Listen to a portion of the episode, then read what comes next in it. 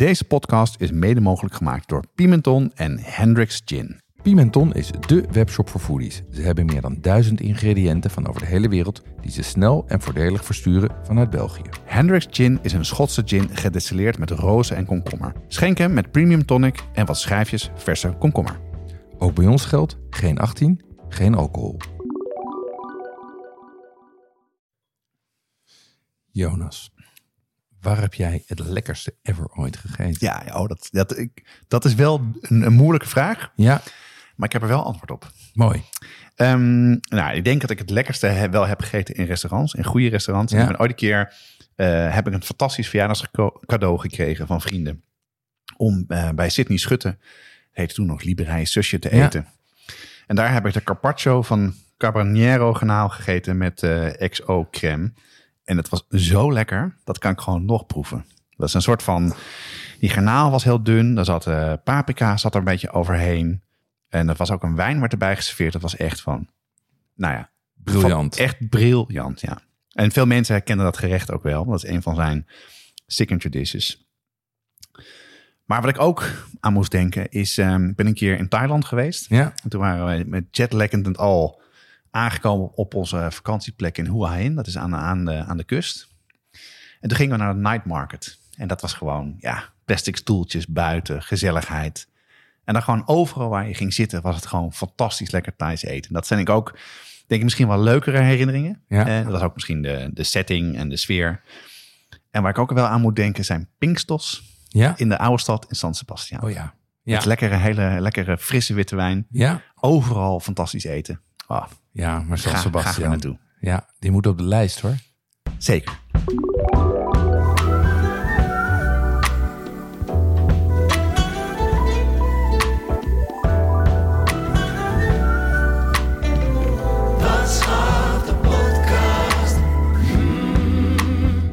Deze aflevering gaat over sauzen. Ehm, en dit is weer een klassieke aflevering van een spiegelpaleis. En Ja, kan je wel zeggen. ja. eindeloze hoeveelheden en variaties. Wij gaan proberen daar eh, in ieder geval de eerste paar kamers voor jullie te doorgronden. En we gaan het hebben over de hoofdsauzen. En welke verschillende varianten daarvan zijn. En hoe een saus een onderdeel is van een gerecht. Eh, we gaan het hebben over de wat klassiekere eh, manier van bereiden van sauzen versus de nieuwe manier. Eh, ik heb uitgebreid eh, aan tafel gezeten bij Iwan Driessen, de, de chef van Rijssel in Amsterdam. En hem helemaal de hem van het lijf gevraagd over hoe hij eh, zijn bouillons en zijn sauzen maakt. En het doel is een beetje om jullie inspiratie te geven om wat thuis te gaan maken. Nou, we zitten richting de kerst, dus misschien dat het ook helpt voor, voor het kerstdiner. Ja, en in het supplement hebben we echt iets heel leuks. Ehm, hebben we een recensie van Bocuse, De Nieuwe Franse Keuken. Eh, een van eh, mijn favoriete boeken, in ieder geval echt een classic. Ehm, die is gereviewd door Naomi Kev van ehm, de Duikelman Kookboeken. En die heeft het boek echt van voren tot achter doorgekookt. Dus dat is een hele grondige en leuke recensie geworden. Zo leuk dat we ook eens even met haar eh, zijn gaan praten. En bovendien is het natuurlijk zo dat Bocuse ook een van de grondleggers is van de, de nieuwe Franse keuken. Waar de sauzen een belangrijke rol in spelen. Dus dat sloot mooi aan. Ja, en zij heeft dus 40 eh, gerechten heeft ze eruit gekookt. hè? Ja, fantastisch. Met de broer en vrienden en dingen. Dus nou, heel leuk. Het is een heel leuk gesprek geworden. Jeroen, ehm, sausen. Eh, ik heb ook wat gemaakt, dat zie je daarnaast Ja. zitten. En een, een biefstukje in de saus gaan we zo proeven. Eh, dus we drinken een heerlijke volle rode wijn. Nee, ik dacht we gaan weer eens even wat anders doen. We hebben de laatste tijd weer veel wijn en veel alcohol gehad. Ik heb iets totaal anders. En het, het, en het ziet eruit als appelsap. Ja, En eh, eerst proeven. ja. Ja, het is een beetje zoetig. Ehm, er zitten ook wat belletjes in. Eerste associatie die ik heb is een lichte kombucha-achtige smaak. Ja, ja. Een beetje perensap vind ik ook ja, dat is het. Ja, maar nee, het is niet zo zoet. Nee. En het is een beetje, eh, ja, zitten er tannines in? Dat zal. Nee, Nou, nee. Dat je een beetje het strak, maar het is lekker. Lekker toch? Lekker ja. fris. Ja, dit is kumasi. En kumasi is, ehm, Geen het, idee, het is dit? sap van de cacaovrucht. Oh ja. Ja, want Oh, je kan van de cacaoboon, daar zit natuurlijk al die pit in. Die maken ze, maken ze eh, cacaoboter en chocola van. Ja? Ehm, en dit is zeg maar eigenlijk de reststroom daarvan. Die persen ze uit en dan maken ze een drankje van. ja. Heb je het wel eens gegeten, zo'n eh, zo'n cacaovrucht? Nee, jij wel? Ja, ik heb een keer in, eh, in Costa Rica, heb ik, ben een keer de jungle ingegaan. Ja. En toen kregen we een rondleiding van, van een jongen die, die studeerde aan de universiteit. En die kwam uit een indianenstam, Mhm. eh, die nog eh, echt heel traditioneel leefde Ja. in, in de jungle. En dat was ook een, zeg je dat, een natuurgebied. Ehm, en zijn moeder kookte. En dat was sowieso heel wat te gek. Maar hij liet ons ook gewoon eh, die cacaobomen zien. Plukte er eentje van de boom en eh, gaf ons dat vruchtvlees. En dat is heel lekker zoetig en eh, romig. Het is heerlijk. Is. Ja.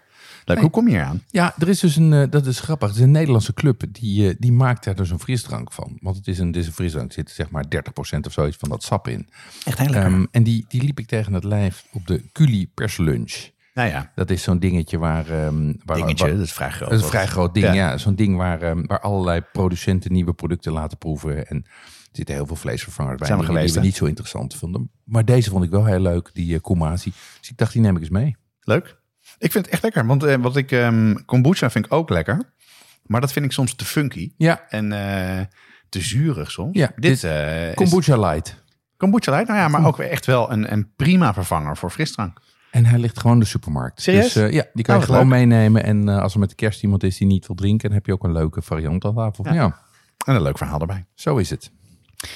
Wat heb jij eh, culinair uitgesproken de laatste tijd, eh, Jeroen? Ja, dat, we hebben, het, was, het was, was druk. Ehm, wij zijn bij de Art of Drinks geweest. Hebben we ook een, hebben we een tijdje ook reclame Gingen we niet over vertellen, toch? De, gingen, gingen, we- daar gingen we beperkt over vertellen. Nee, maar dat vond ik hartstikke leuk. Vertel, Eh, wat is het? Art of Drinks is, een, ehm, is eigenlijk een, een consumentenbeurs. Een consument- en eh, eh, professionele beurs voor eh, alcoholica. Ja. voor wijnen, whiskies en, en allerlei varianten erop. in het Westerpark, in de gashouder. En daar kan je van allerlei soorten drank proeven. Ehm, en het leuke is dat daar dus hele... ja, het leuke is dat je aan de ene kant hele exotische en bijzondere dingen kan proeven. Je kan hele dure whiskies proeven, hele dure wijnen. Maar ook allerlei nieuwe mezcals. En eh, het is echt, eh, als, je, als je geïnteresseerd bent in, eh, in, in drank, dan is het een ontzettend leuke plek om, om die dingen te proeven. En het werkt met een soort systeem met polsbandjes. En waardoor je dus ook echt, echt heel veel kan proeven. Ja. En Je krijgt, je krijgt een klein glaasje van tevoren. Je krijgt steeds kleine, kleine slokjes. Dat Ja. je ook echt de ruimte hebt om veel te doen. Ik vond Ja. het ook ontzettend leuk om te doen. ja, heel gezellig. En verder.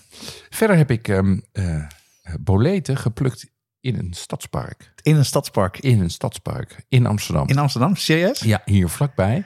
Dan ga je natuurlijk vertellen waar. Ik ga jou eh, ongeveer vertellen waar. ongeveer die kant. Jeroen wijst uit het raam nu. Hij, Ja. hij wijst richting het IJsselmeer. Ja, Dus nee, dat, nee, nee, Dat is geen stadspark. Nee, nee, ik, ik, wijs richting het, eh, ik wijs richting het Diemerpark. Dat Ah, kan ik wel zeggen. Dus het is het Diemerpark. Ehm, en daar had ik gewoon een plekje waar, eh, waar ineens, eh, die had ik vorig jaar al gezien, boleten uit de grond kwamen. En omdat het zo'n goed jaar is, Ja, het is echt een goed jaar. stond er echt een hele hoop. Ja. Dus ik heb voor het eerst gehad dat ik gewoon om kwart over zes op mijn fietsje stapte, naar het park reed. En die boleten om eh, half zeven in de pan had liggen. En om zeven uur op tafel. En wat heb je ermee gedaan? Ik heb ze uiteindelijk gewoon gebakken en met, eh, eh, met pasta geserveerd. Ja. Ehm, boleten, vind, dat vind ik meestal de lekkerste bereiding. Dit was een populiere boleet. Die is wat steviger. Ehm, en die, die wordt dus niet zo, zo snotterig. Dat Ja. kan soms ook met Dat is lekker. boleten. De goede, goede bite heeft. Een goede bite heeft Ja. hij dan. Ja, en dan gewoon met een beetje knoflook en peterselie en veel parmezaanse kaas olijfolie. Ja, ik zeg weer Bob Jonkel. hey, en jij? Hoe, eh, wat heb jij culinair uitgespookt? Nou, ik zou... Ik, ik heb echt, Jeroen, en ik, zal, ik overdrijf echt niet, maar ik heb echt een diepe, diepe, diepe depressie. Ik Het zie is echt je, niet normaal. je ogen worden ook bijna een beetje ja, nou, nat echt, ik ben hiervan. helemaal gek. Echt, echt serieus. Want ik ben, eh, kijk, ik heb jou ooit een keer mijn DSM gegeven, mijn Zeker. Gozai. Voor Ja. de vaste luisteraar, die weet dat vast wel.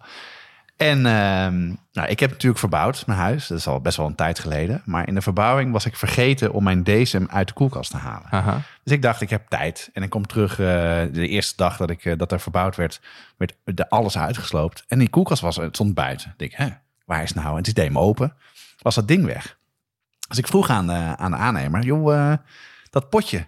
Oh, dat ding wat zo stonk. dat ligt in de vuilnis. En ik, oh, maar goed, hij, hij, hij lag niet in een, eh, in een vuilniszak met, met vieze spullen, maar gewoon met wat, wat bouwafval. Dus dan kon ik er makkelijk uitpakken. En er lag nog wel genoeg in. Die heb ik wel weer opgekweekt.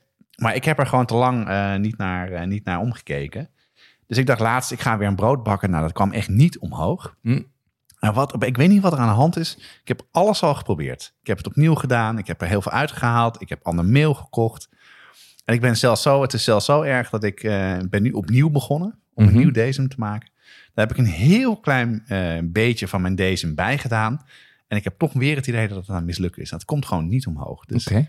Moeten, we, Ik moeten we deze transplantatie doen? eh? uiteindelijk misschien wel, ja. maar het moet me toch gewoon lukken. Dus, maar maar, maar, maar het- hij komt gewoon niet omhoog. Het kan de temperatuur zijn, Mhm.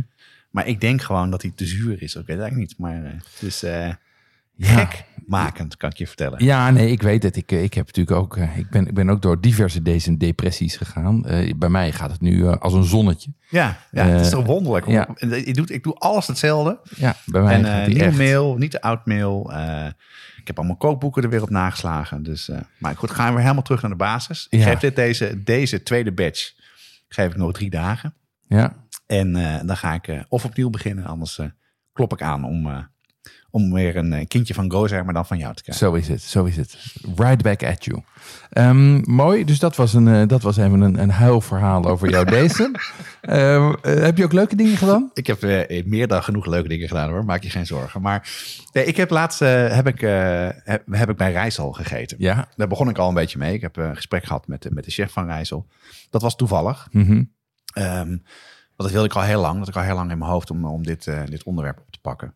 Eh, maar we waren met, eh, met de familie, waren we daar eten. En ehm, ik vond het gewoon echt te gek. En het is niet om een soort van eh, marketingverhaal over reizen op te houden. Want dat, dat is best wel, wordt best veel over verteld. Maar wat me zo opviel, is wat ook in restaurant Amsterdam zo goed in orde is. Dat je zit, je krijgt wat te drinken, je krijgt wat te eten. je krijgt een broodje, water en je krijgt wat te lezen. Dat is ook echt een filosofie van de eigenaresse van restaurant Amsterdam. Milene. En, eh, maar dat doen ze daar dus ook. Ja. je komt binnen, het is super druk. We waren- we waren in de tweede, tweede shift, dus Mhm. dat was wat later. En je had honger.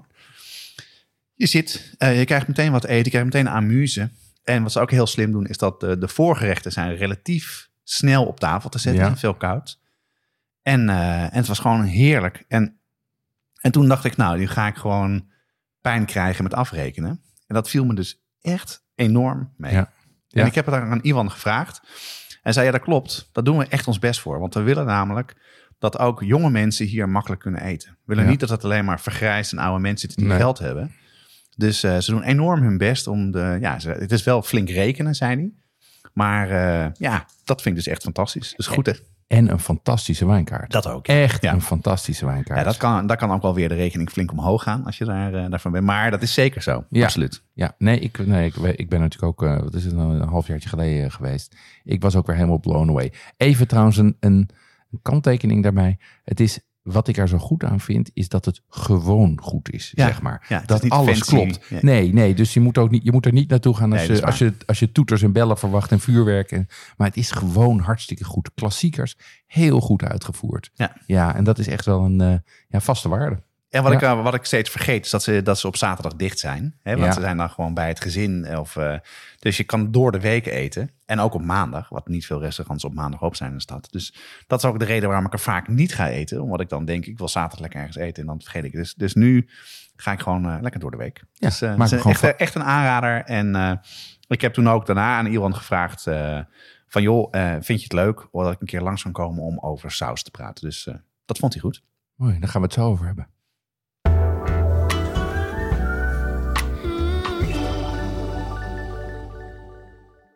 Jeroen, bij jullie thuis wordt toch veel hot sauce gegeten? Ja, dat klopt. Er staan eigenlijk altijd wel iets van vijf flesjes open. En elke paar weken is er eentje op. Dus dat gaat, eh, gaat behoorlijk hard. Maar waar, waar gebruik je het dan bij? Waar, waar, waar eet je het mee dan? Nou, mijn dochter houdt niet zo van heet eten, maar mijn jongste zoon juist wel. Ehm, eh, dus bij heel veel avondeten kiezen we dan zelf. Eh, Bij taco's, bij kip, bij gebakken rijst, dat soort dingen. Ehm, en overigens ook bij lunch- en ontbijtgerechten, tosties, gebakken eieren, pizza, alles. Pizza voor ontbijt. Slim, want dan kan je wel je eigen pittigheid bepalen. En pak je dan ook vaak de rijmakers, heetmakers sausen? ja, die zitten regelmatig in de roulatie. eh, juist ook omdat ze bijzondere smaken hebben en oplopen in pittigheid. Ja, en wat ik er zo leuk aan vind, ze zijn prachtig vormgegeven. Eh, hoe komen luisteraars aan deze flesjes? Ja, je vindt rijmakers, heetmakers op heatsupply.nl of vraag ernaar bij je delicatessenzaak.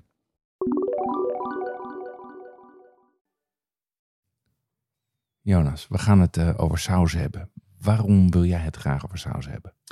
Nou, omdat ik ehm, me op een gegeven moment realiseerde dat als je in een restaurant gaat eten, dat het bijna altijd met een saus is. Mhm. Vaak komt dan eh, in zo'n klein potje, dan wordt het over je, bij je gerecht gedaan.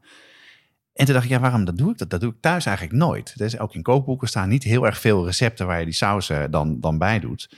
En uh, de ervaring is dat zo'n saus uh, is gewoon complementair aan, aan een gerecht. Maakt het interessanter, lekkerder. En uh, ja, ik wil dat gewoon, dat vind ik ook het leuke van de podcast maken. Dat er iets is wat ik al lang wil doen. En dan is zo'n onderwerp weer een beetje een stimulans om het ook daadwerkelijk te gaan doen. Dus dat lijkt me leuk. Het is ook bijna kerst. En, en ik wil er een beetje focussen op hoe je nou in thuis sausen kan maken. Om gewoon je gerechten gewoon maar even een beetje een extra ja, opkikker te geven. Oké. Kijk, het is natuurlijk een enorm onderwerp. Hè? Ik bedoel, niet voor niets hebben in, in, in klassieke keukens heb je de saucier, die zich alleen maar met sauzen bezighoudt. Zeker. Um, dus ik ben wel benieuwd hoe jij aan deze, aan deze mammoet-task bent begonnen. Ja. ja, dat heb ik me later ook gerealiseerd toen ik eenmaal begon. Denk, nou, dit, dit moet te doen zijn. er moet een structuur zijn. Ik vond het ook heel goed dat jij dit onderwerp deed. Ja. nou, ik vond het echt heel leuk om te doen. En uh, ik hoop ook dat de luisteraar later ook, uh, als ze geluisterd hebben, dan ook denken, nou, ik ga toch wel even die extra stap nemen. Maar dat, daar zo meer over.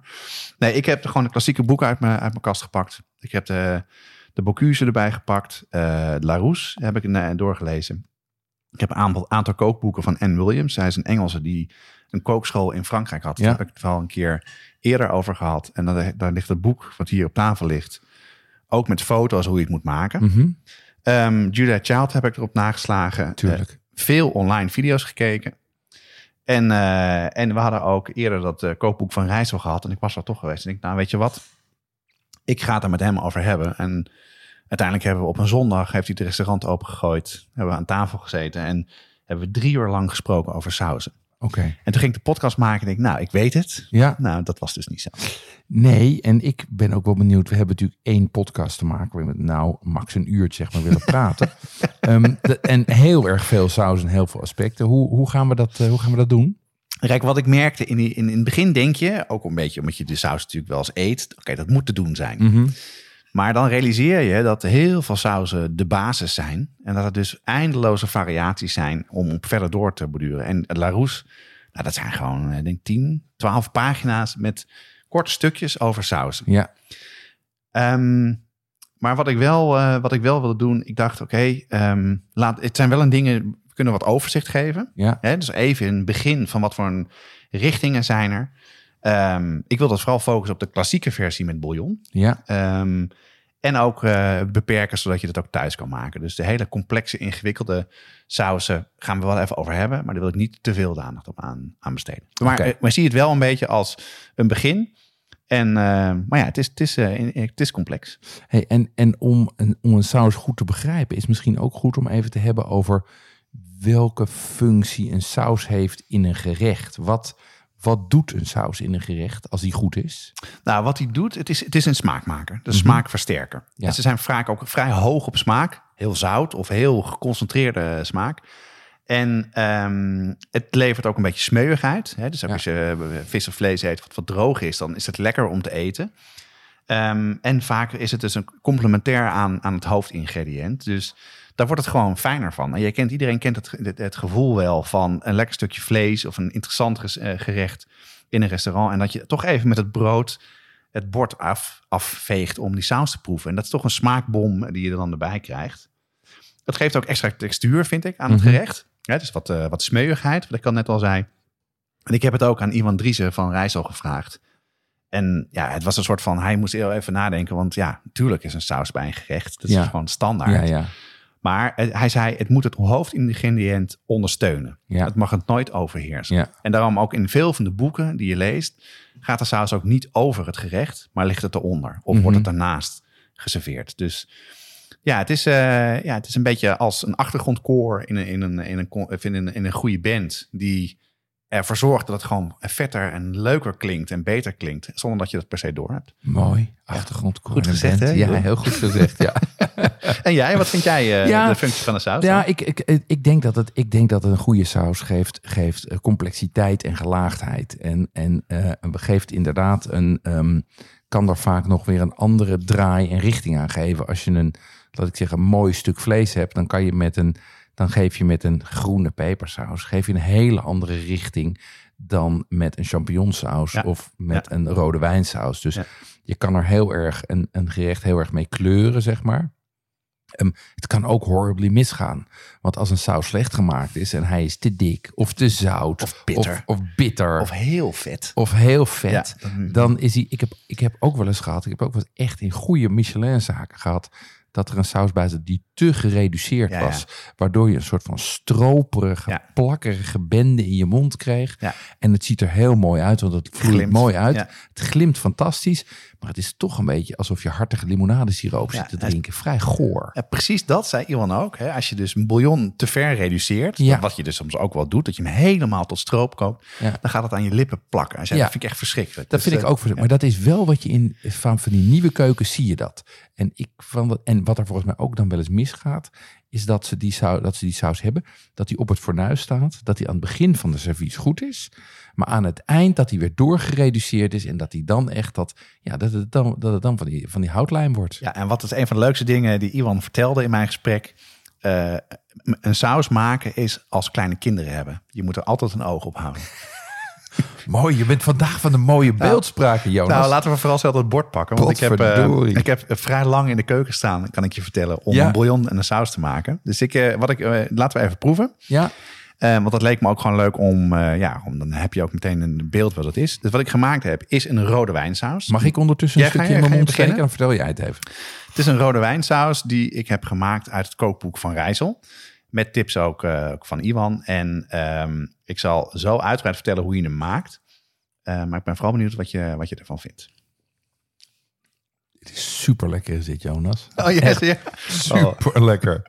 Die rode wijn was goed geweest, hè? Ja, nou, die, die, nee, die ik heb hier nog wat staan. dus ik neem een slokje van de vorige aflevering. Ja, vind je het lekker verteld. Wat, ik, wat ik gemaakt heb, is dus een, eh, een biefstukje Ja. gebakken in de pan. Peper en zout erop. Eerst hoog opbakken.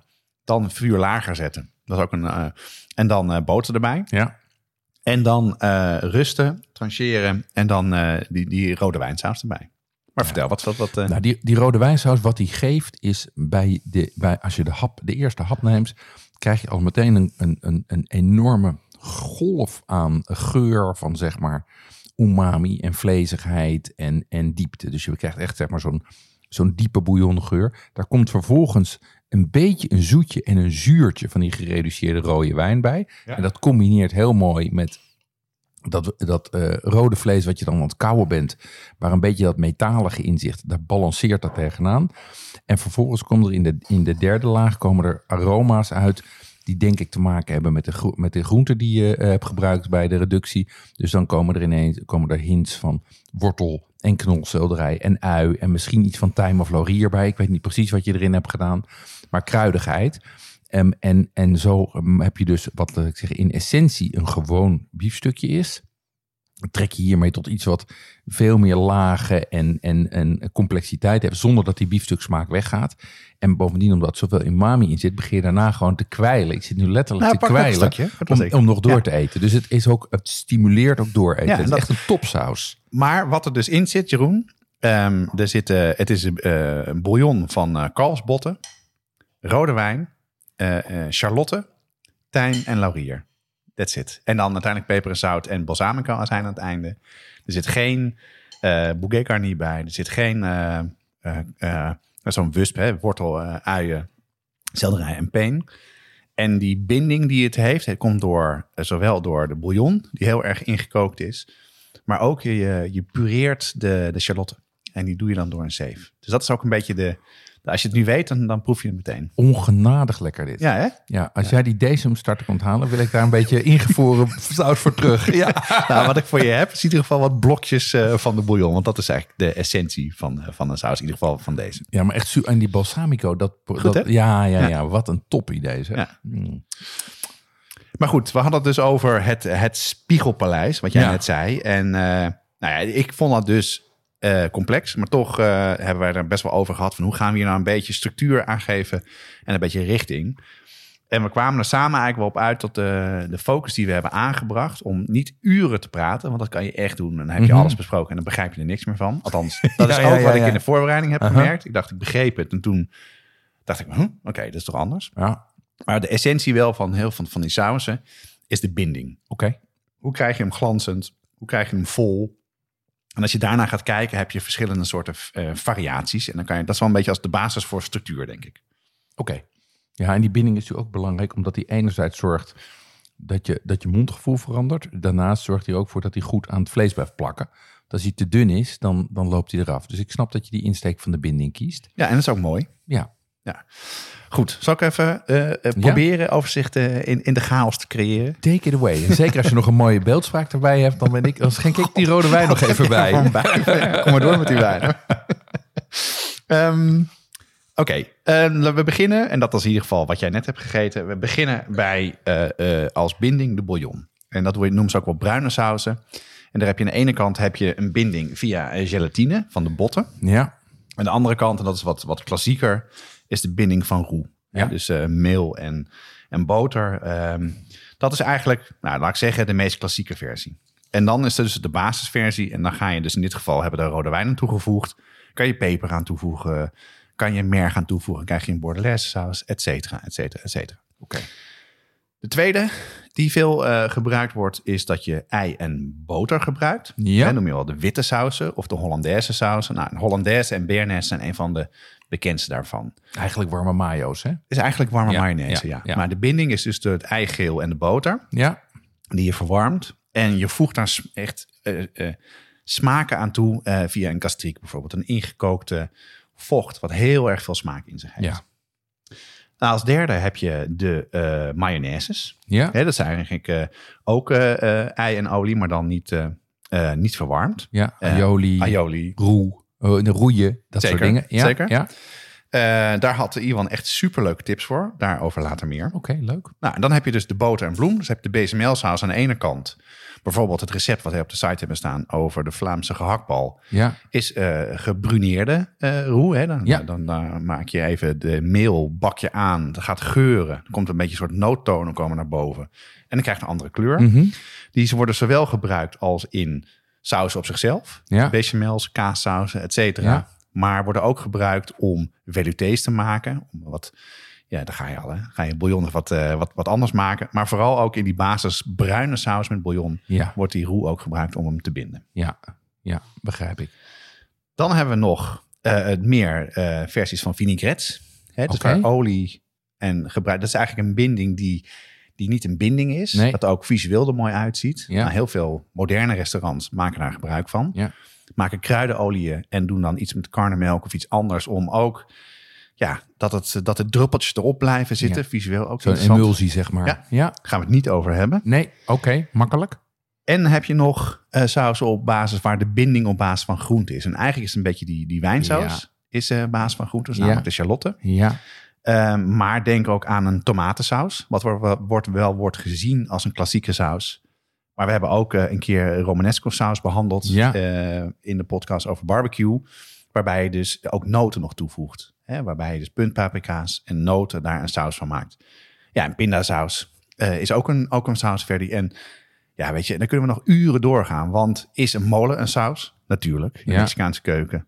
Salsa's een saus? Ja. Zeker weten. Nou, dan Ja. hebben we hele, hele continenten, hele werelddelen slaan we over en doen we zeer tekort. Ehm, maar ik zou zeggen, laten we het een beetje klassiek houden. En een beetje op de bouillon en de mayonaise houden. Dus dan concentreren we ons nu op de klassieke Europese sauzen. En dan zeg maar de, de, de bruine sauzen met gelatine roe. En daarnaast de mayonaises. Zeker. En dat zijn ook dingen die je heel goed thuis kan maken. Want dat is ook wel een beetje wat ik, eh, wat ik wilde proberen. Ja, snap ik. Het hoeft geen encyclopedie te worden. Mensen moeten ook gewoon lekker aan de kook gaan. Ja. hartstikke goed. Ehm, maar de binding van de saus is essentieel, zeg jij. Maar uiteindelijk waar ik hier zo van was, was weggeslagen, was de smaak. Ja, zeker. En, en dat is ook wat je, wat je probeert. Het is een, een redelijk geconcentreerde smaak, Ja, maar wel met lagen. Ja. En ehm, wat je dus ook ziet, is wat ik, wat ik net met zo'n kastriek zei, dat is, dat is reductie. Het is gewoon inkoken van, van het vocht, zodat hij gewoon veel smaakvoller wordt. Ehm, en dat doe je in dit geval met een bouillon. Deze bouillon ehm, heeft 20 uur opgestaan. 20 uur. Ja. En heeft dan in een uur of drie, vier heb ik hem ingekookt. Hij is tot een vijfde ingekookt. En, eh, en dat is wat je, wat je doet. Dus, dus dat zorgt er aan de ene kant voor dat hij gaat binden. Mhm.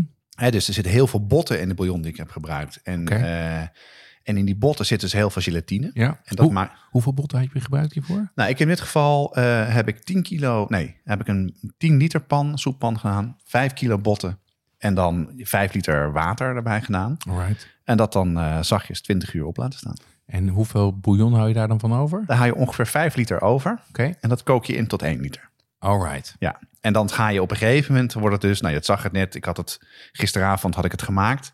Het was gewoon een plak gelatine eigenlijk net toen we het in de pan gooiden om op te warmen. En dat maakt dus ook die binding. Dat blijft ook alles bij elkaar.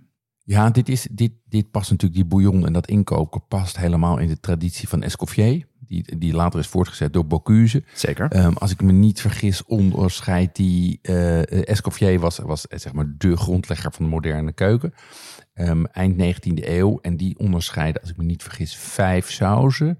Ja, volgens mij ook. ja. Ehm, ik weet in ieder geval de eh Espagnol en de Bechamel. Wat hebben we dan nog meer? Eh, de Hollandaise. Ja, En hij noemt ook de tomatensaus als Ja. een basissaus. En de veloutés. En de veloutés. Oh ja, Ja. dan heb je daar vijf. En dat zijn eigenlijk soort van, dat is een basiscanvas waar je met garnituur weer op kan doorvariëren. Hè? Zeker Dat is het principe. Zeker weten. Ja. Als je bijvoorbeeld die, die saus Espagnol neemt, eh, de Spaanse saus heet die ook wel. Dat Ja. is, dat is in, in vrij complex om te maken. Ik Wat vroeg heet? ook, eh, hè? ja, ik heb het wel eens Ja, geprobeerd. dat vroeg ik ook aan Iwan van, eh van Driessen, Iwan Driessen van, van Rijssel. Waarom maak je dat gebruik dat? Hij zei, het heeft wel zijn, zijn plek, Ja. maar het is onwaarschijnlijk ingewikkeld en veel stappen. Ja, en het is ook zo'n recept. Ik ben er wel eens mee begonnen. Het is een recept waar dan staat er in het recept voor Espagnol staat er dus dat je een eh, dat je een, ehm een demi-glas moet hebben. En, in het recept- en dan bekijk je recept voor demi-glas. Daarin staat dat je zelf getrokken bouillon moet hebben. Is een soort van babushka poppetje. van precies, recept ja. in een recept in Ja. een recept. Nee, dus het is echt heel veel werk. Ja, nou, Fris ons geheugen even op. Nou, wat je doet, ehm, je, als eerste begin je dus eh, met de bouillon maken. Goed punt, die moet je wel al gemaakt hebben. Tuurlijk. Eh, is een klein werkje van 20 uur. Ja, ja, ja. ben ik, ben Ja. ongeveer twee dagen mee bezig geweest. Anyway. Ehm, dan maak je een pan, dan doe je spek in. Eh wortelen, uien, selderij en prei. Weet je, gewoon de, de standaard eh, wusp eh, wordt het ook wel genoemd. Wat tijm, laurier. En dat bak je eh, gewoon goed uit. En op een gegeven moment, eh, als dat goed klaar is en die, eh, die groenten zijn, zijn, zijn glazig en lekker, dan giet je het vet af. Dat Mhm. is wel tip nummer één eh, met maken van sausen. Het vet allemaal weg, wegdoen. Want dat, je die band. ja, dat doe je aan het laatste. Voeg je dat toe, misschien met een beetje boter of merg. Kan je Ja. ook eh, heel goed doen. Ehm, dan eh blus je het af met witte wijn. Oké. Ehm, dan maak je een bruine roe. Dus, Ja. eh, dus wat we net zeiden met die Vlaamse gehaktbal. Dus je, je bakt even de meel aan tot het bruin wordt. Boter erbij. Daar doe je de kals, eh, kalsfond of bouillon bij. En dan voeg je het, het geheel toe. Mhm. Ehm, en dat laat je twee uur koken. ja. En het tweede ding wat ook overal terugkomt, is je moet alles zeven. Dus je moet het echt, alle troep moet je eruit halen, dingen eruit halen. Nou, dan ben je twee uur verder. Ja. Eigenlijk een dag en twee uur, want die dan heb je ook gemaakt. Ja. Dan voeg je tomatenpuree toe en dan laat je nog een uur zachtjes koken. En dan ben je klaar. Alright. Ja. Maar dat is dus niet echt een reductie. Want ik heb nog even goed naar het recept gekeken. Nee. In dit geval heb ik een Bocuse op nageslagen. Het is gewoon gebonden. En bouillon is gewoon niet ingekookt. Nee. Dus de smaak zit hem heel erg met de tomaat en met de spek en met de andere dingen. Ehm, ja, Ja, en, Bo- en Bocuse gooit natuurlijk zijn bouquet garni ook al door zijn bouillon. Hè? oh, zeker. Dus, dus in elke ronde komt dat bouquet garni voorbij. Ja. Maar goed, ik ben wel benieuwd. Ik maak het. Ik heb het nog nooit gemaakt en eh, ken het eigenlijk niet zo goed voordat ik de research deed. Vind jij niet een beetje een verouderde saus dan? Ja, ik, ik, eh, ja, ik vind het heel erg verouderde saus. En ik vind het ontzettend veel werk. En eigenlijk in de thuiskeuken bijna niet te doen.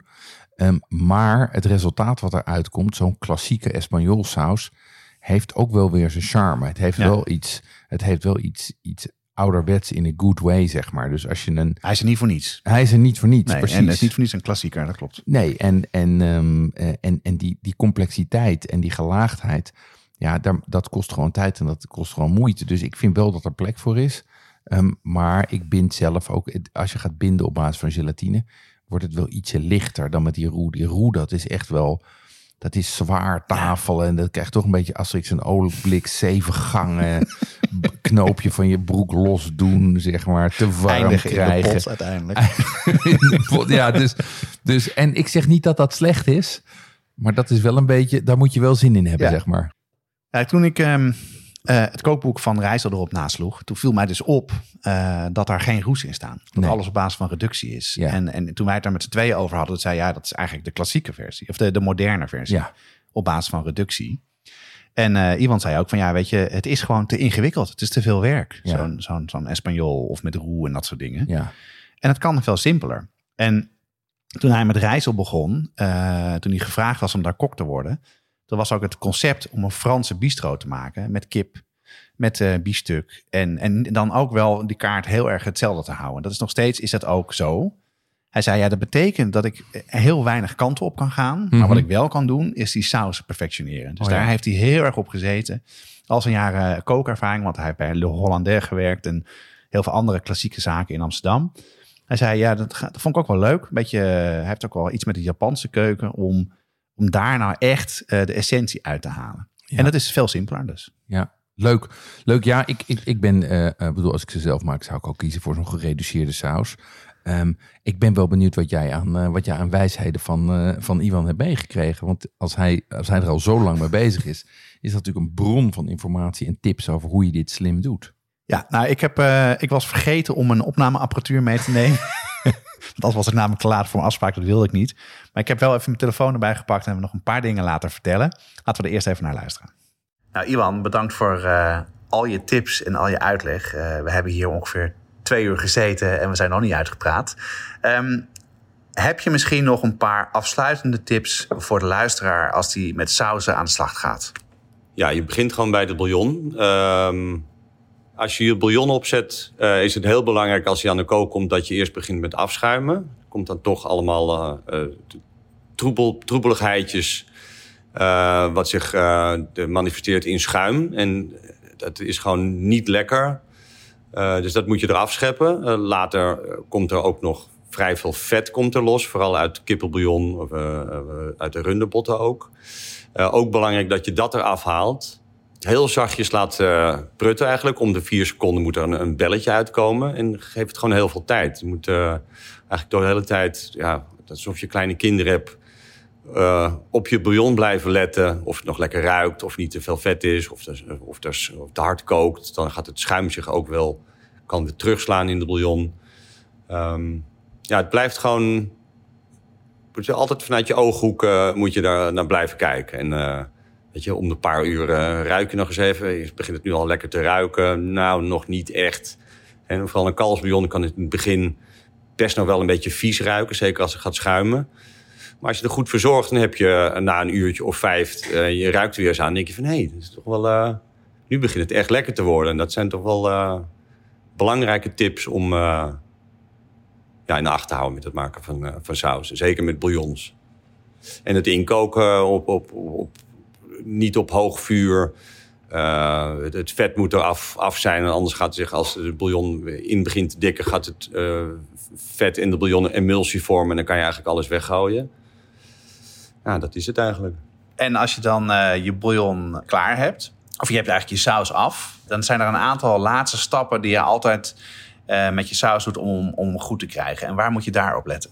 Bij het afmaken van de saus is het gewoon heel belangrijk dat je eerst eh, op smaak brengt met zout. Vrij hoog op smaak. Dat je eigenlijk misschien denkt van oeh, misschien wel iets te veel zout gedaan. En daarna eh, eh, gebruik je een zuurstof of eh, citroen of een lekkere azijn.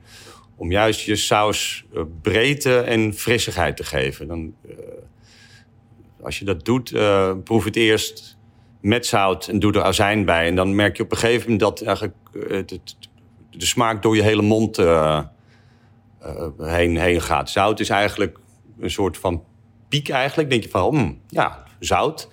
Gaat er zuur bij, dan gaat het ook meer aan de, aan de toch, eh, volgens mij zit de receptor meer aan de zijkant van je mond. Bitter en zuur zit een beetje meer aan de zijkant. En dan, ja, dan krijg je breedte inderdaad. En dan komt er misschien ook een klein beetje bitterheid naar, boven, die, naar boven, die juist meer complexiteit geeft. En, eh, en gewoon een hele lekkere saus. En toen wij het hadden over nou, wat voor een saus eh, moet je beginnen, had je toch wel een hele leuke tip als het gaat over. Want je zei resoluut, mayonaise is de belangrijkste saus. Of een van de sausen, Ja. zeker voor thuis om mee te beginnen. En daar had je ook wel hele leuke tips voor. Misschien kan je die even kort vertellen nog. Ja, mayonaise is natuurlijk een emulsiesaus. Eh maak je altijd met mosterd en eidooiers. Dat is eigenlijk de bindende factor in mayonaise. Maar ehm, ja, neem eens een paar oesters. Neem drie oesters met eh, het oestervocht. eh, maak die fijn met een, eh, staafmixer en giet er olie bij. Dan heb je eigenlijk ook gewoon een oestermayonaise.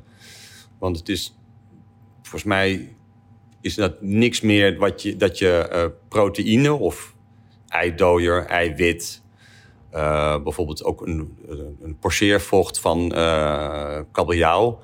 Of nou, niet echt pocheervocht. Als je bijvoorbeeld brandade maakt en je gaat je bacalao eh, gaar maken... dan komt daar ook vocht uit.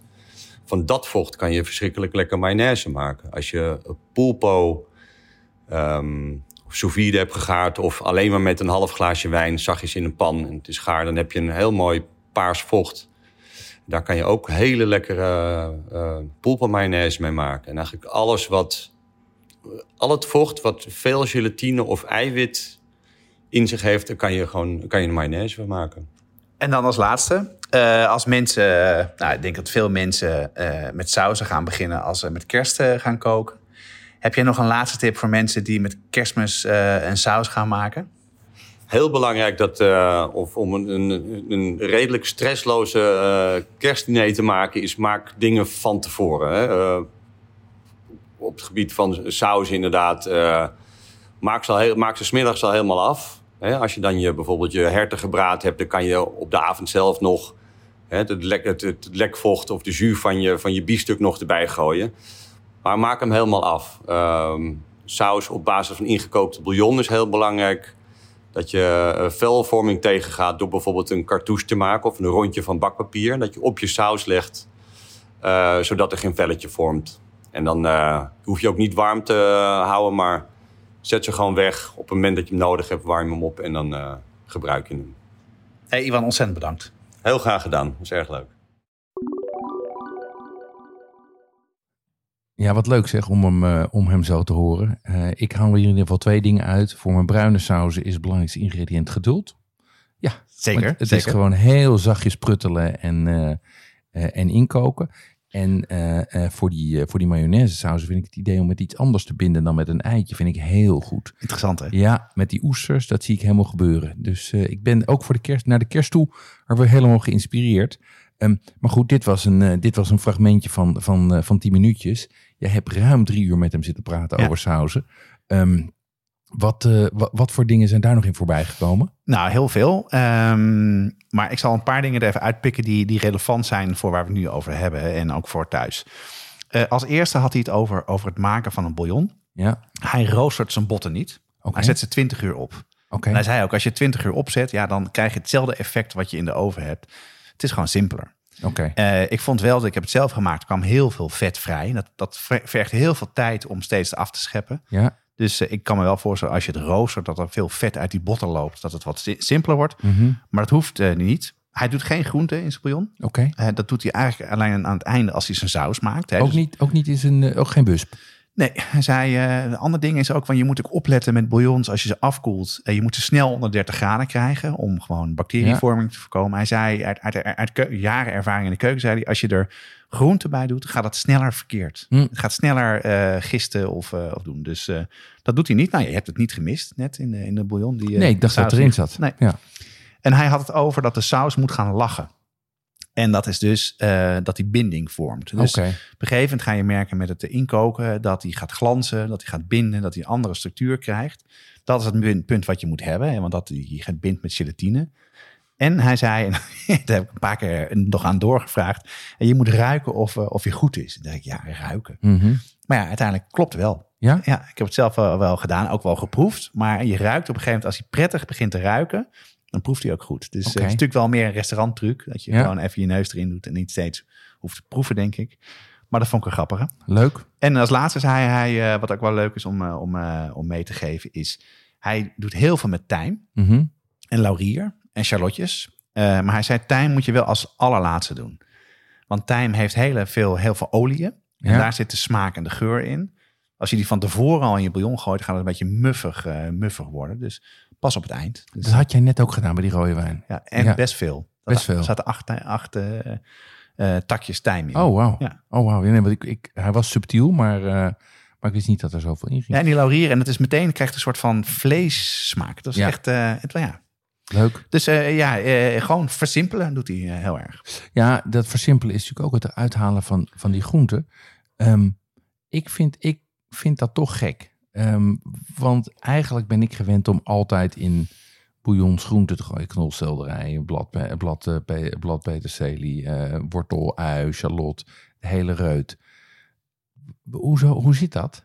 Nou kijk, je moet met groenten, ehm een botten duren lang. Ja. Eh, en, en hij zei, als je het hard aanzet, dan wordt het troebel. Mhm. Daarom zachtjes, een beetje wat mensen misschien wel kennen van confijten. Ja. Dat het blupt, Ja. dat is wat je nodig hebt. Ja. Hij zei ook van ja, dat kan je gewoon prima aan laten staan. Nou, met inductie heb ik het gewoon s'nachts aan laten staan. Ging perfect. Ruikt de hele keuken naar bouillon de volgende ochtend.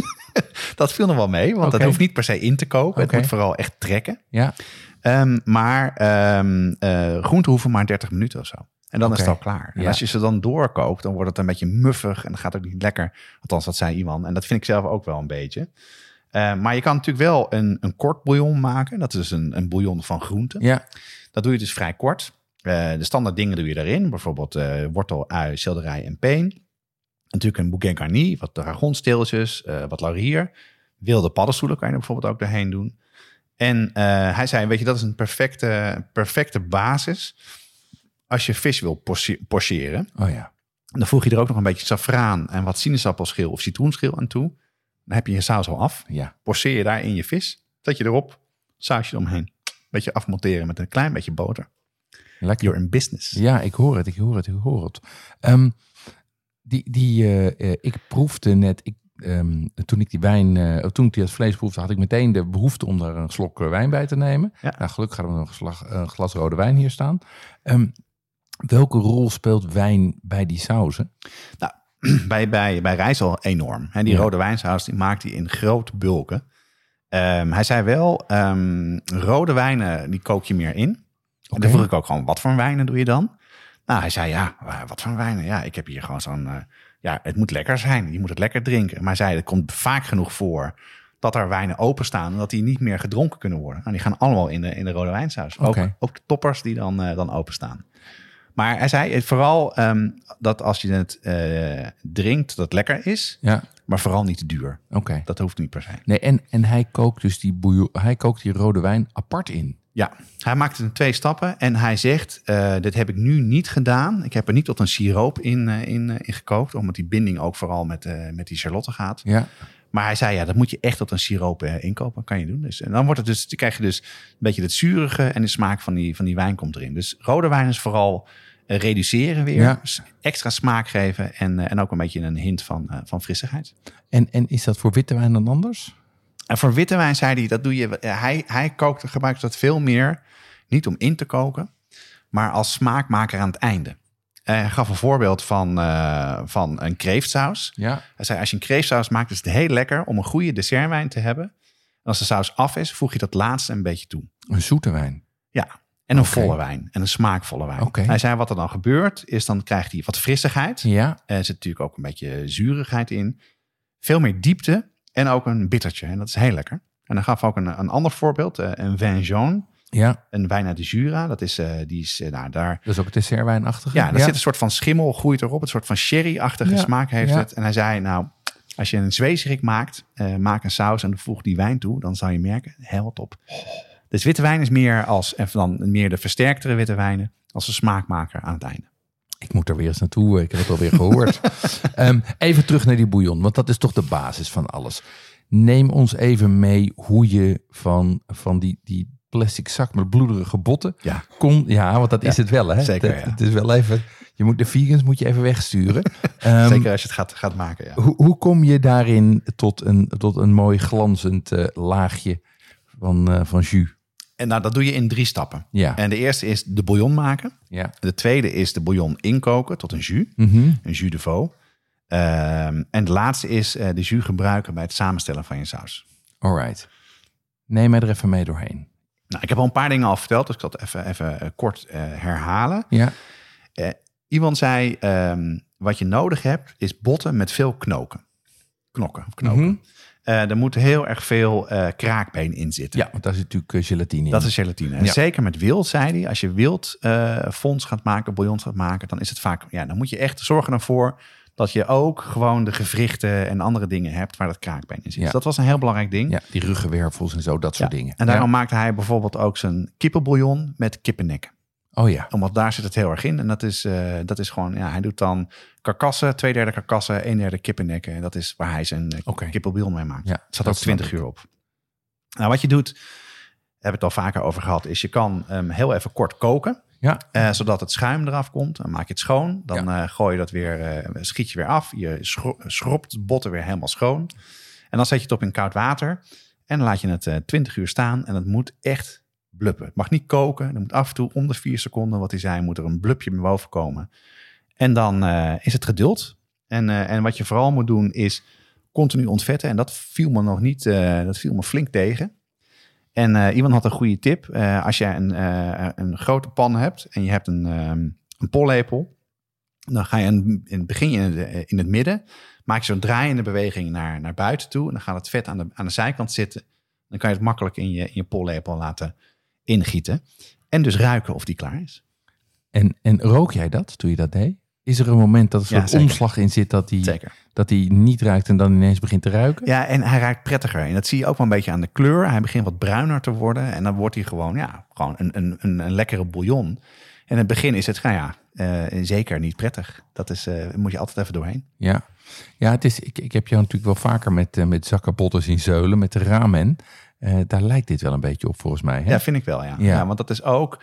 eh, wat je ook moet doen, is je moet het niet te hard koken. Want dan gaat het dus eh, dan gaat het troebel worden. En dat is in de, bij ramen is het, is het een vergelijkbare techniek. En dat is gewoon opzetten. En geen groenten, geen dingen toevoegen. En dat doe je pas aan het eind. Oké. Ehm, en dus dan, heb je, dus dan ruikt die lekker, maar dan heb je daar nog steeds zo'n grote pan met daarin, met daarin waarin eigenlijk, die staan inmiddels bijna droog, die botten. Nee, En nee, nee, niet. Het kookt bijna niet in. Het kookt bijna niet in. Nee, Oké. nee, dus je hoeft er vroeger ook ei- Het is niet dat het, het moet dus niet koken. Het moet, moet soort van Oké. prutten. En het moet daarom ook, je hoeft niet per se water bij te doen. Dus eh, het kookt wel een beetje in, Ja. maar niet heel veel. Ja, ja, ja. Oké. Dus het moet ook niet inkoken. Nee. Oké. Goed. Dus je hebt dan die pan met, die vol met water zit, waar nog een half bot uitsteekt. Ehm, hoe, hoe, hoe dan verder? Ja, en dan de volgende stap, als die bouillon klaar is, dan eh, ga je even naar eh, de kookwinkel. Ja. Dan koop je een grote puntzeef. Ja. Zoals ik gedaan heb. Nou, het is wel handig hoor, want er veel botten erin. Maar dan zeef je het dus. Ja. Je zeeft eigenlijk eh, twee keer. Eerst grof om alle grove stukken eruit te halen. En dan een hele fijne zeef. Het liefst zelfs kaasdoek. Ja. Nou, ja, of veel, ook veel van die vettigheidjes haal je Ja. eruit. Of het, wat is het? eh, het merg wat er soms al uit kan, eh, uit kan komen. Oude theedoek kan ook. Oude Of theedoek, een, zeker. eh, of een hydrofielluier. Ja, ja, Ja, die we allemaal in de kast hebben ja liggen. als, je de, als je ooit kinderen hebt gehad, heb je die liggen. Ja, Ja, ja, die hebben geen meer, kaasdoek maar- halen. Maar het is ja. wel een goeie, want die gebruik je ook voor je zuurdezenbrood. Die gebruik ik ook voor mijn zuurdezenbrood. Die gaan allemaal in de recycling. Als ik uit mijn depressie ben, dan, dan ga ik hem erbij pakken. Heel goed. Ehm, en dan, dan kook je dat dus in. En dat inkoken is in damp bijna. Zeker als, je, als je visbouillon maakt. Dan eh, moet het, eh, als je het te hard kan inkoken, kan het ook echt vies worden. Kan het ook een beetje, beetje ja, tranig worden. Oké. Dus eh, dat heeft, nou, drie uur heeft het opgestaan. Oké. En vier, hoe, hoeveel, hoeveel, kook je er, hoeveel water kook je eruit? Uiteindelijk kook je er dus, je houdt ongeveer 5 liter bouillon over. Ja, En dan kook je 4 liter uit. Dan haal je een liter over. 80% kook je Ja. uit. Oké. Ja. En dat heb ik dan daarna geportioneerd in, in ijsgrond trays en dan ingevroren. En die liggen nu apart als smaakbommetjes in mijn, in mijn vriezer. Nice. Dus nu, oké, dit is het niveau waar, ik- waar ik het graag van jou begin over te nemen. Ehm, Neem jij de wijn mee? Ja, ja.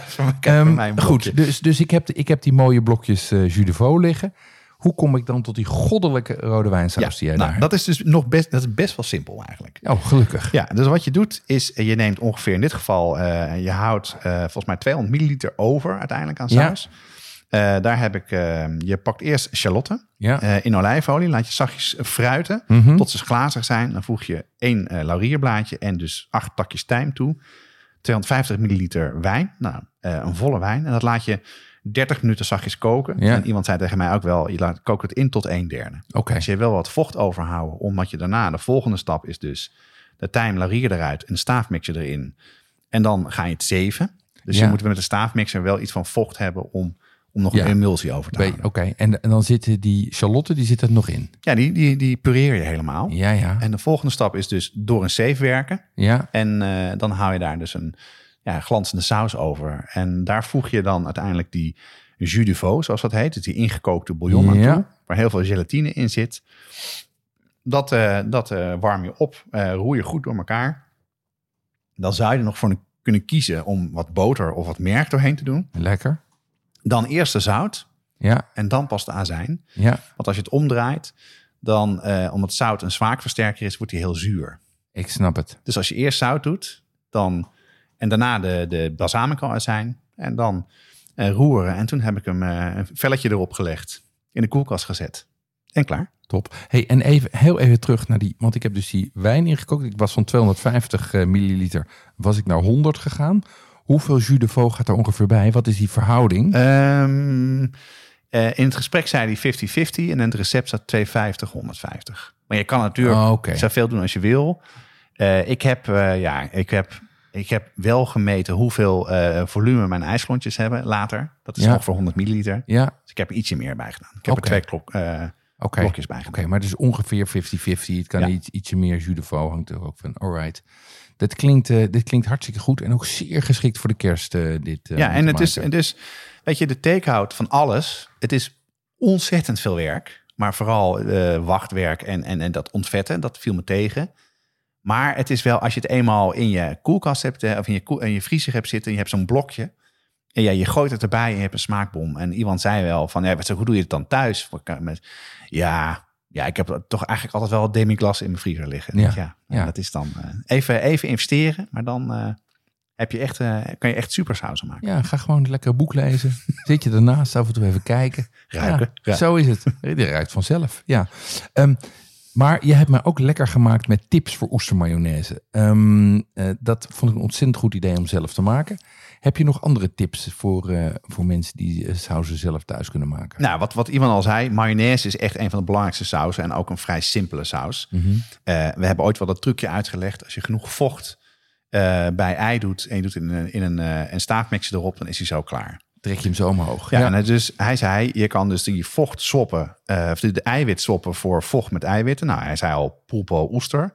Bosselvocht kan je ook heel oh goed ja. gebruiken. Ja, dat zei eh, Sergio Herman, zei dat ook. Die zei dat is mijn belangrijkste smaakmaker in de keuken. Ja. Mosselvocht. Daar kan je dus, een, eh, dus zonder ei een prima eh mayonaise van maken. Maar hij Nice. zei ook, weet je wat veel eiwitten inschreef? Kalfshersenen. Gewoon kalfshersenen in de blender. En dan eh, kan je er ook een heerlijke, heerlijke mayonaise van Dit maken. is weer een moment waar de vegans afhaken. Hè? Kalfshersenen in de blender, dat is echt wel heel gory. Eerst met die botten in de weer en Ja. dan... Nou, goed, ik om- weet wel mensen, overigens luisteraars, die dit een ontzettend goed idee Ja, vinden. en hij zei dus dat is dus die oestermayonaise is heel erg lekker op tartare. En, maar je kan ook dus eh groenten hebben natuurlijk ook veel eiwitten in zich. Nou, kikkererwten kennen we, Ja. aquafaba. Aquafaba. Eh, hij zei zelfs dat het met aubergine volgens mij kon, als je die, dat daar vocht eruit. Oké, zou het gewoon proberen. ja. Is eh, de- de- hetzelfde soort techniek als mayonaise maken. Met de staafmixer ben je zo klaar. En ja, het is gewoon, het is, ik vond dat wel een super interessant inzicht. Omdat het gewoon een heel ander soort, eh, het is dezelfde soort consistentie. Het is niet zo ingewikkeld, kan het goed bewaren. En het is echt een lekker smaakbommetje. Alright. Ja, we hebben het ook even gehad over Hollandaise saus. Is dat een saus die eh, voor gewone stervelingen te maken is? Ja, uiteindelijk wel. En eh, hij zei dat is gewoon, ja, ik maak het best wel vaak. Mhm. Het is heel lekker bij zalm, het is heel lekker bij vlees. Eh BNS vind ik dan heel lekker met Heel dragon. lekker bij een gepocheerd eitje. Zeker weten. Ja, Wat, eh, hij, hij zei, ik maak het zo vaak in de keuken. Hij doet gewoon vol vuur. ja, hij zei, de truc is, je moet eerst die eieren gaar krijgen. ja. Dus je moet het gastriek, het, het koken, het gereduceerde kookvocht met de ei kloppen. Hij zei, ja, ik maak, dat staat er op een kaart bij hun, dus ze maken dat gewoon dagelijks heel vaak. Als je dat doet, kan je niet meer misgaan. Maar wat hij bijvoorbeeld doet in zijn BNS, wat in het kookboek staat, ehm, is daar zit veel meer gastriek in. Ja. Eh, dus ik heb nog even wat boeken op nagelezen. Nou, Julia Child zegt twee eetlepels. Mhm. Eh, en dat is op 250 of 200 gram boter. Hij zegt eh 75 milliliter gastriek op 75 gram eierdooier op 150 gram boter. Alright. Dus het, hij is veel dunner, Ja, maar dat doet hij omdat het de zuurder is. En dat heeft gewoon het vlees nodig. Weet je. Het is heel vettig vlees. ja. En Ja. eh, dus het is een, eh, ja, het is ook wat minder. Maar Eh, dan zeg je eigenlijk dat je de, de, de Hollandaise of de Bearnaise aanpast op, op waar het op terecht gaat komen. Dat doet hij wel, ja. Ja, ja, ja. Oké, slim. Ja, en weet je, het is dus... ehm, je moet even over die angst heen dat je ei gaat... gaat ja, dat het scrambled egg wordt. Mhm. Nou, waar een paar tips daarvan zijn...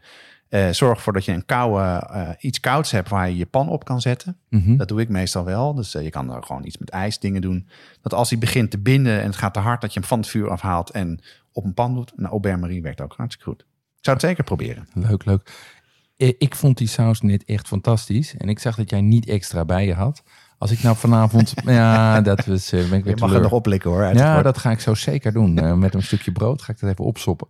Ehm, maar als ik vanavond nou bij mijn biefstukje ook een mooie saus wil hebben... en ik heb niet die jus de veau liggen...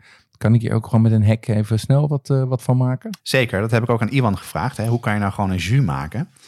Hij zei, als je een biefstukje maakt... één ding waar je moet opletten... en wat veel mensen verkeerd doen... is dat ze het te hoog aanbakken. Dus je moet hoog beginnen, maar dan snel het vuur zacht zetten. Omdat je anders de, de, de smaakstoffen die dus achterblijven in de pan... verbranden. Ja, dat heb ik. Van die zwarte, Ja, zwarte flubbers. Dus je moet het, dat is heel lekker. Daar zit de smaak in, maar je moet ervoor zorgen dat het dus niet verbrandt. Dat vond ik wel echt een goede tip. Dan moet je al het vet afgieten. Oké. Dat vergeet ik altijd. Ik Ja, met het vet. Al het vet afgieten. Dan eh, doe je een shallotje erbij, een scheut wijn. En dat kook je in tot een derde. Mhm. Je zou er room bij kunnen doen. Dat hoeft niet. Oké, ja. Ehm, dan zou je het dus zo kunnen laten. Even kunnen staafmixeren. Of gewoon zeven. En dan monteer je het af met boter, zout en als laatste een zuurtje. Hoeft niet per se, omdat hij al in die wijn zit. Maar dat is wel lekkerder. En dan heb je, ik heb het laatst uitgeprobeerd met een biefstukje op deze manier. Top. Wat een goed idee. Ja. Ehm, nou ja, eh, ik, heb, eh, eh, ik heb ontzettend veel goede tips gehoord. Die ik ook met de kerst zou kunnen gaan gebruiken. Ehm, kan je van ons nog even samenvatten wat de belangrijkste tips zijn die hij heeft gegeven? Ja, nou de belangrijkste tips zijn dus... als je gebruik bij bouillons gewoon reducties. Ja. Dat is, kost even wat tijd. Maar het is wel veel minder gedoe met al het snijden van groenten en dat soort dingen. En zorg ervoor dat je dat gewoon invriest. Oké, dus één keer investeren, maar dan heb je gewoon eh, nou, genoeg in de, in de vriezer om te gebruiken. Want als je zo'n zo'n jus hebt en je gooit ook nog even een blokje erbij, is hij nog veel lekkerder. oh ja. Had ik stiekem natuurlijk wel gedaan. Ja, voor blokje Ehm, erbij. heel goed. Nou, wat ik, eh, een eye-opener voor mij, wat ik net al zei, is dus eerst zouten en dan zuur erbij. En hij doet overal zuur bij. Hij heeft ongeveer 15. Nou, hij, ging, hij, hij- hij le- vertelde even hoeveel azijnen die had. Echt heel erg veel. Oké. Toen dacht ik, ja, hoeveel heb ik in mijn, in mijn koelkast, of in mijn la staan? Gewoon eigenlijk één, maar. Oh ja? Ja. Oh ja, nee, ik kom wel tot zeven of Nee, zo. nee, dus dat was voor mij ook wel Ja. weer een soort ding om, eh, om te doen. Een goede tip zei hij, maak witte wijn shallotjes. Hè, shallotjes in witte wijn opzetten, inkoken, in de koelkast zetten. Als je een saus even wil afmaken of spannender wil maken, lepeltje van die shallotjes erbij. En dan is het, eh, heb je het zure en die smaak. Dat is echt, eh, was een goede tip. Een soort fancy zilveruitjes. Ja, maar dan dus al, eh, al gestoofd Ja, ja. en klaar. Ja. Dus eh, Ready to go. Leuk. ready to go. Ehm, en hij zei, als je dan eh, met kerst iets moet gaan maken, dan moet je echt de Grand Veneur saus maken met hertenbiefstuk. Hij zei, dat is zo ontzettend lekker. En we mochten het recept van zijn kookboek op de site zetten. Dat geldt ook een beetje voor de dingen die we eerder verteld hebben. Die maak je door een wilde bouillon te maken. Ja. Dus met veel kaakbeen moet je daar dus voor zorgen. Eh, die, eh, als die dus goed ingekookt is, het is echt zo'n jus is dat. Ja, je er room en cognac bij. ja, Dat laat je even doorkoken tot het verkleurt, tot de room verkleurt. ja. Dan doe je de cranberry kompot bij. En dat eh, zeefje monteer je met boter af. En dat eet je dus met een stukje wild. En hij zei, het is echt goddelijk. Klinkt hartstikke goed. We hebben overigens een aflevering over wild gemaakt. Daar zat hij volgens mij ook in. Ja, ja. Ehm, en eh, eh, dat is, mocht je nog, eh, mocht je iets met wild willen doen, luister dan even Zeker. die aflevering. Twee afleveringen. ja, dus ja, echt veel leuke recepten en tips. absoluut. En als we het dan toch hebben over minder vlees eten, kan je beter wild eten dan, dan rund eten. absoluut. Zeker met kerst.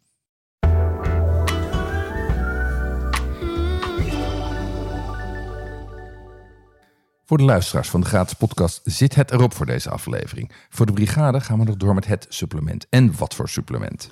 In het supplement heb ik een gesprek met Naomi Kev eh, over haar recensie van het standaardwerk van Bocuse, de nieuwe Franse keuken.